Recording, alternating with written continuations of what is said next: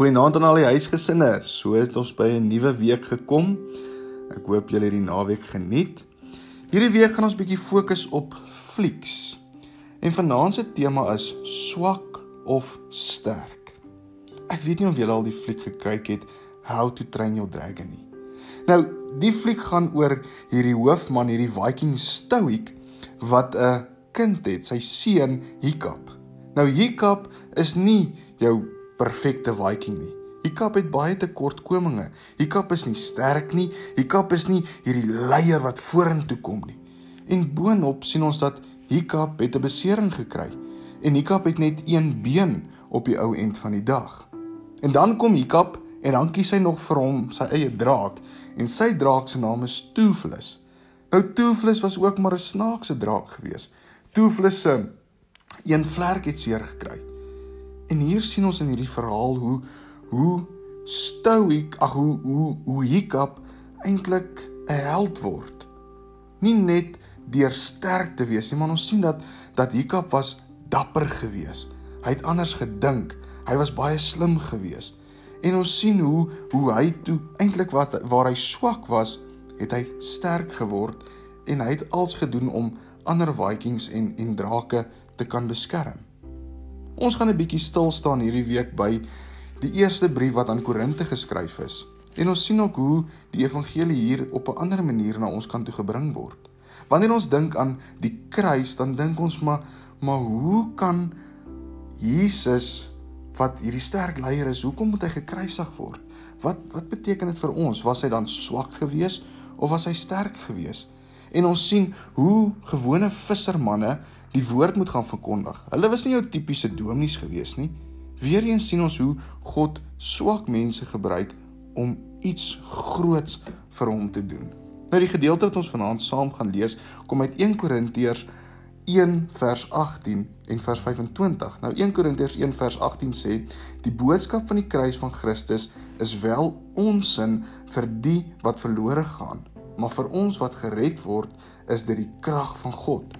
Dan sê vers 25 vir vir die wêreld die onsin van God wat vir die wêreld onsin is is groter wysheid as die wysheid van mense en wat vir die wêreld die swakheid van God is is groter krag as die krag van mense.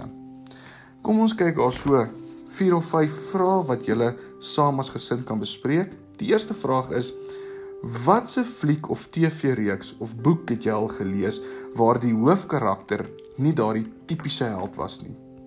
Die tweede vraag is: Vertel van 'n keer toe Jesus mense verras het toe hy op hier op aarde was. Vertel van 'n keer van van iets groots wat Jesus gedoen het. Die derde vraag is: Vertel hoe Jesus jou al verras het.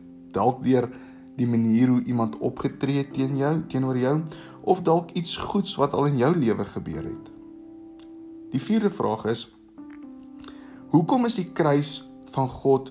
Hoekom wys die kruis van hoekom wys die kruis vir ons die krag van God en vir ander mense wys dit dalk die swakheid van God?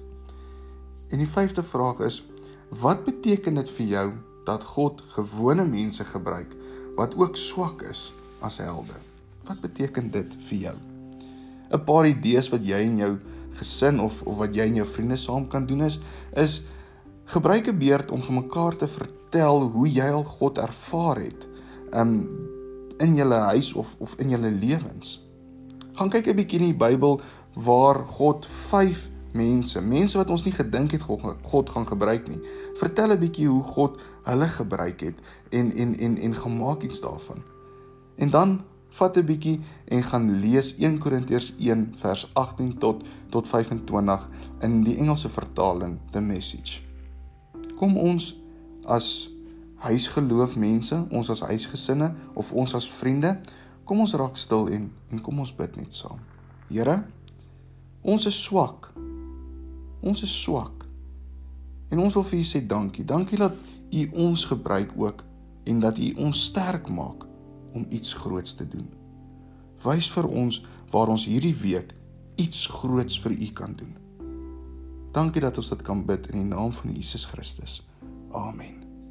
Mooi na, mooi aand vir elkeen van julle.